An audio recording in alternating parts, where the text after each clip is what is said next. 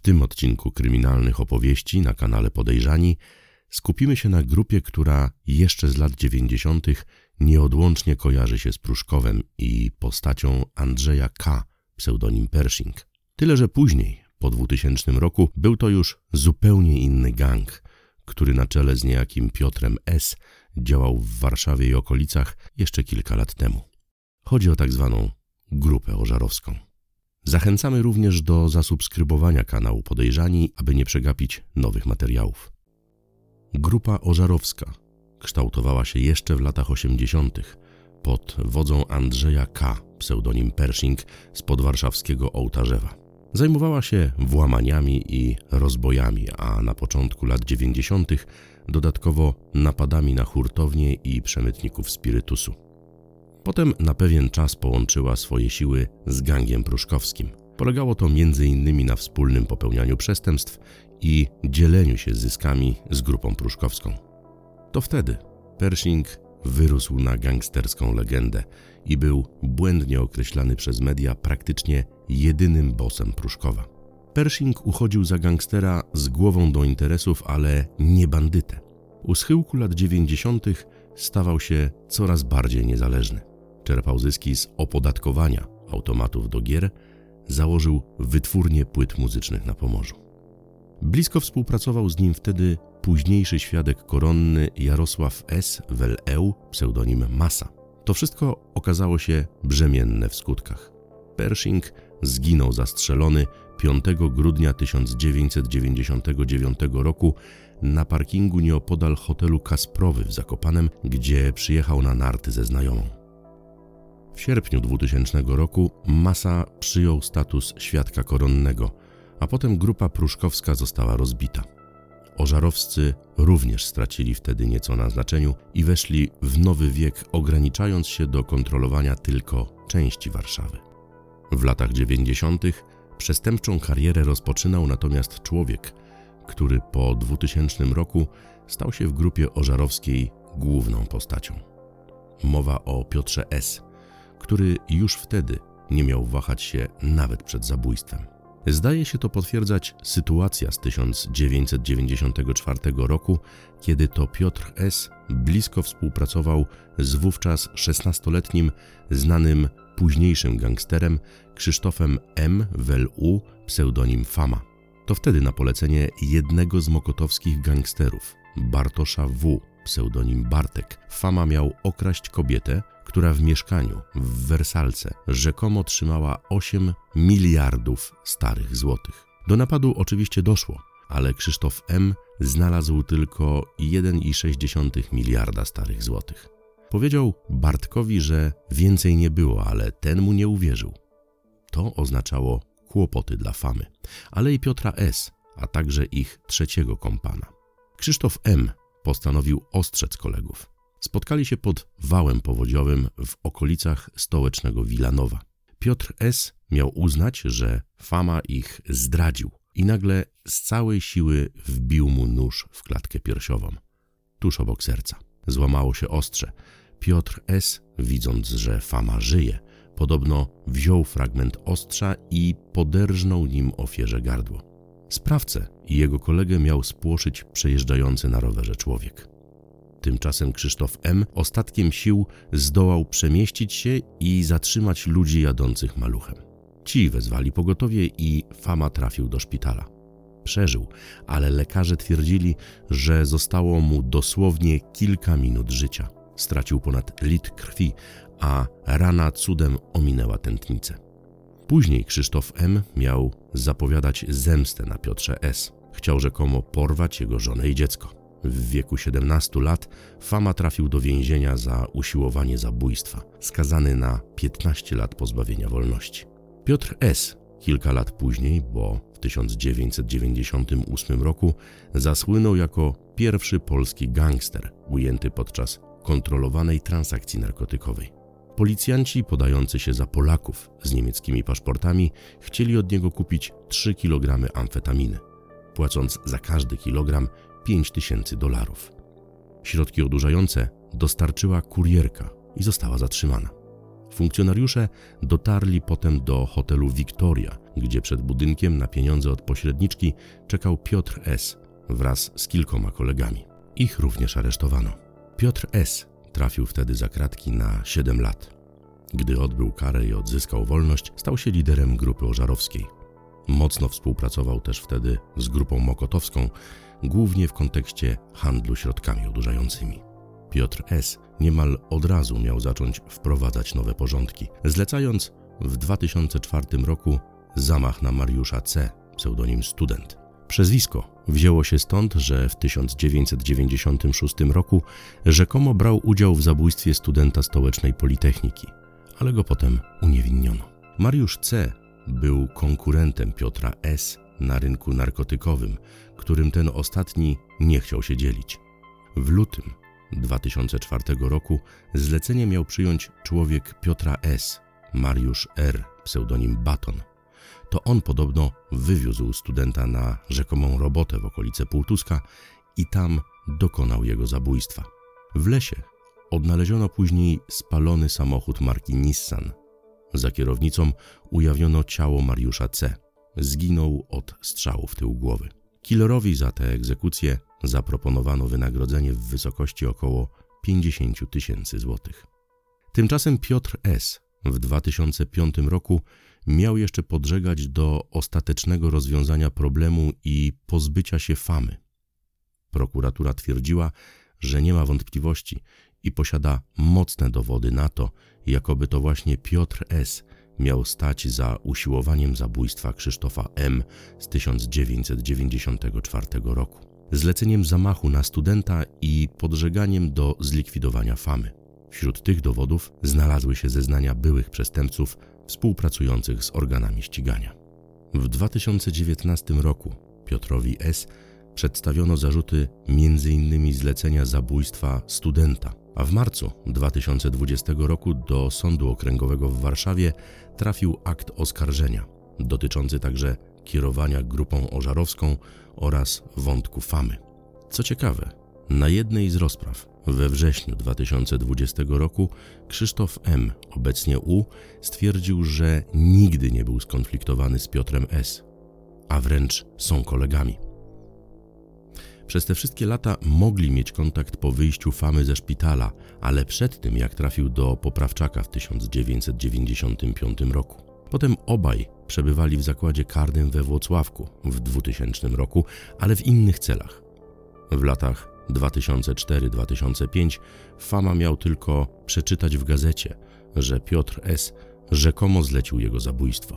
Podobno później, w okresie 2017-2019, Krzysztof U. próbował dzwonić do Piotra S., ale nie widywali się i Piotr S. miał nie wpływać na zeznania Famy. Według wersji tego ostatniego, w 1994 roku usiłowali go zabić Krzysztof B. i Piotr N. Tyle, że Krzysztof B. zginął w wypadku samochodowym, a o Piotrze N. słuch zaginął. Warto tu wspomnieć, że historię zamachu sprzed ponad 20 lat Fama zdecydował się opowiedzieć dopiero tak późno, bo wcześniej obawiał się gangsterów z grupy mokotowskiej. W końcu to tamtejszy przestępca, Bartosz W., pseudonim Bartek, zlecił mu kradzież 8 miliardów starych złotych, gdzie finalnie zrabowano tylko nieco ponad 1,5 miliarda. Powstały wówczas konflikt był przyczyną usiłowania zabójstwa Famy. Bartek skonfliktował się później z szefami grupy mokotowskiej i w 2003 roku zapłacił za to życiem. Jego ciało wyłowiono zawinięte w siatkę w 2005 roku z terenów bagnistych nieopodal Wisły. Killerem miał być ktoś z Mokotowskich, którą to grupą kierował w tamtym czasie Zbigniew C., pseudonim Dax. Krzysztof U. nie chciał się z nim konfliktować i dlatego zabrał głos dopiero, gdy Dax zmarł w grudniu 2019 roku, najprawdopodobniej przez nowotwór węzłów chłonnych. Wracając do Piotra S., po odbyciu kary za sprzedaż środków odurzających, która okazała się policyjną prowokacją, nie nacieszył się on wolnością zbyt długo. W 2007 roku znów został zatrzymany. Swoją drogą, podczas spotkania ze Zbigniewem C., pseudonim Dax, który ukrywał się przed policją i spotykał tylko z najbliższymi współpracownikami. Później, w 2008 roku wpadli także ludzie Piotra S., m.in. Paweł N., pseudonim Nowas, Sławomir S. czy drugi Piotr S. Prokuratura w międzyczasie oskarżyła zatrzymanego z Daksem Piotra S. m.in. o udział w grupie mokotowskiej, podżeganie do zabójstwa, handel środkami odurzającymi, pomoc w ukrywaniu Daxa i posiadanie nielegalnego oprogramowania. Najpoważniejsze zarzuty upadły przed sądem, ale Piotr S. i tak usłyszał wyrok trzech lat pozbawienia wolności za niepowiadomienie o planowanym zabójstwie, pomoc w ukrywaniu przestępcy i posiadanie nielegalnego oprogramowania. Za to przestępstwo skazano go na 10 miesięcy więzienia. To pierwszy taki przypadek, by wysoko postawiony gangster odpowiadał za taki czyn jak posiadanie pirackich programów komputerowych. Jednym z głównych świadków oskarżenia w śledztwie dotyczącym gangu Piotra S., pracującego z Mokotowem, był świadek koronny Andrzej L., pseudonim Rygus. To gangster, który zeznawał też swego czasu przeciwko dawnemu pruszkowskiemu gangsterowi Januszowi G., pseudonim Graf, w kontekście zabójstwa inwestora giełdowego Piotra Głowali z maja 2004 roku. Rygus w listopadzie 2008 roku miał spotkać gangstera noszącego pseudonim Strumyk, który przekazał mu, że Piotr S. nie wybaczy zdrady i będzie szukał zemsty. W styczniu 2009 roku rzekomo przypadkiem Andrzej L. spotkał natomiast Justynę S., żonę Piotra S. Wówczas to podobno usłyszał, że jeśli nie wycofa swoich zeznań, zginie jego syn, Max. Dzieckiem chorującym na dziecięce porażenie mózgowe opiekowała się wtedy partnerka Rygusa. Andrzej L. we wrześniu 2009 roku popełnił samobójstwo w celi aresztu śledczego przy ulicy Rakowieckiej w Warszawie. Rano powieszonego na kracie na dwóch ręcznikach odnalazł go współosadzony. Jego zdaniem Rygus nie przejawiał wcześniej żadnych zachowań, które mogłyby wskazywać na chęć targnięcia się przez niego na własne życie. Śledczy uznali, że było to samobójstwo. Znaleziono kilka listów pożegnalnych, w których Andrzej L. pisał, jakoby oddawał życie za życie syna i że dzięki temu ów syn będzie bezpieczny. Justyna S. w 2010 roku usłyszała zarzuty związane z nakłanianiem świadka koronnego do zmiany zeznań, ale prokuratura poza wcześniejszą relacją nieżyjącego już Rygusa nie znalazła na to innych dowodów. Kobietę uniewinniono w 2012 roku. W 2009 natomiast, poza sytuacjami związanymi z Andrzejem L., zatrzymano także Krzysztofa M., pseudonim Fama. Do ujęcia gangstera doszło w marcu pod jednym z kin na targówku, gdzie mężczyzna miał wybierać się z dziewczyną na seans komedii romantycznej Kochaj i tańcz. Podobno Fama rzucił się na policjantów. Obezwładnili go dopiero po kilkukrotnym użyciu paralizatora, ale wtedy Fama rozerwał kajdanki. Później przy przesłuchaniach pilnowało go co najmniej trzech antyterrorystów. Krzysztof M. w czasie poprzedzającym zatrzymanie miał brutalnie okradać agencje towarzyskie, często podając się za policjanta. Posiadał przy sobie listę z zapisanymi adresami kilkudziesięciu agencji. Za takie przestępstwa groziło mu 15 lat pozbawienia wolności. 2013 rok chwilowo przypomniał o dawnym gangu ożarowskim tym, którym w latach 90. zarządzał Andrzej K., pseudonim Pershing. Zatrzymano wówczas 12 osób pracujących dla niejakiego Roberta B., pseudonim Bedzio, dawniej zaufanego człowieka Pershinga, który związał się nawet z jego córką, a po zabójstwie Andrzeja K. w 1999 roku szybko przyjechał do Zakopanego. Chciał mścić się na bosach Pruszkowa za ten zamach. Później współpracował mimo to z Adamem D., pseudonim Młody Wańka, synem jednego z szefów grupy pruszkowskiej, Leszka D., pseudonim Wańka. Wtedy, po wpadce i pobycie w więzieniu, Bedzio zaczął budować własną ożarowską strukturę. W marcu 2014 roku zatrzymano go razem z 27 innymi osobami, z których co najmniej 15 tymczasowo aresztowano. Grupa przez kilka lat w niezależnych laboratoriach miała wyprodukować i wprowadzić na rynek ponad tonę amfetaminy. Bedzia w dużej mierze pogrążyli skruszeni członkowie gangu. Nawiasem mówiąc, Bedzio to nie jedyna osoba związana z grupą ożarowską i Pershingiem w latach 90., która do dziś ma problemy z prawem. W 2019 roku doszło do zabójstwa starszego małżeństwa na Grochowie. Jak się potem okazało, o planowanej zbrodni miał rzekomo wiedzieć jeden z oficerów Centralnego Biura Śledczego Policji. Małżeństwo zgłaszało też na policję, że im grożono. Pomimo tego nikt nic z tym nie zrobił i doszło do zabójstwa. Jak ustaliła prokuratura, za groźbami miał stać Andrzej P., pseudonim Nos, dawniej człowiek Pershinga, który po jego śmierci zaczął działać samodzielnie, organizując grupę handlującą środkami odurzającymi. Małżeństwo to rodzina Nosa. Nie chcieli dobrowolnie przepisać na niego domu, dlatego Andrzej P. miał próbować przejąć go gangsterskimi metodami. Powracając do wątku Piotra S. 2015 rok to moment, kiedy opuścił on więzienie po tym, jak przebywał tam skazany na 8 lat za udział w grupie mokotowskiej. Już w kwietniu 2016 roku pojawiły się pogłoski o tym, że gang ożarowski przejmuje wpływy w Warszawie, wchodzi w napady i haracze, a także współpracuje z grupami z całej Polski. Mowa głównie o wpływach na Lubelszczyźnie, Dolnym Śląsku i Pomorzu.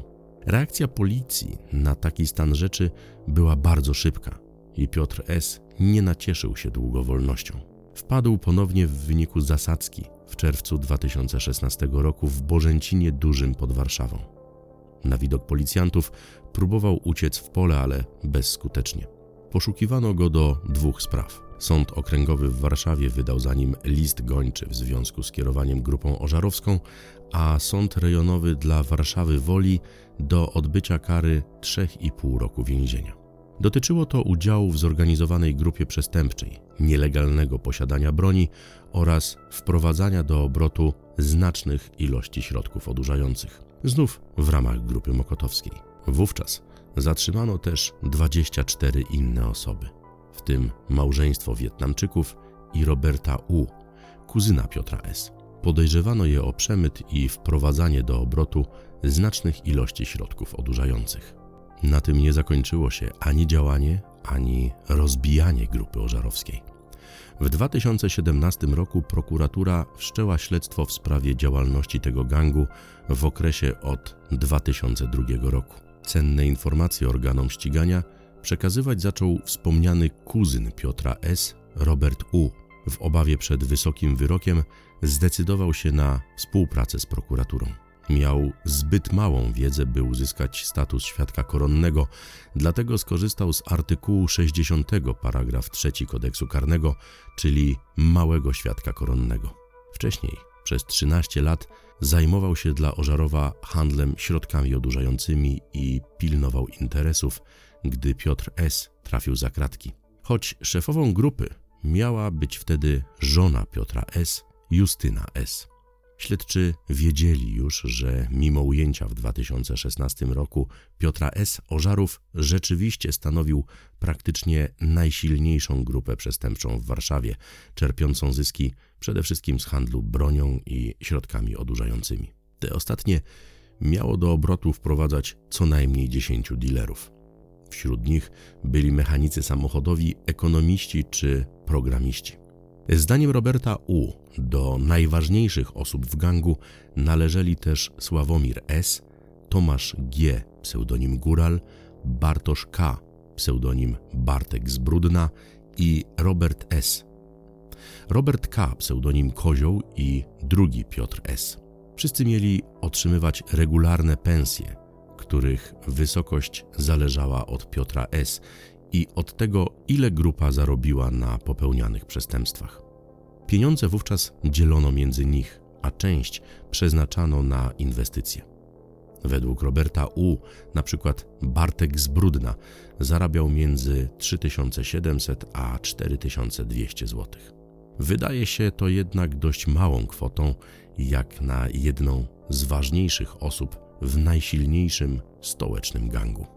Podczas kilkudniowej realizacji we wrześniu 2018 roku, w której wzięło udział ponad 100 funkcjonariuszy Centralnego Biura Śledczego Policji i antyterrorystów, zatrzymano co najmniej 26 osób, a 19 doprowadzono z jednostek penitencjarnych.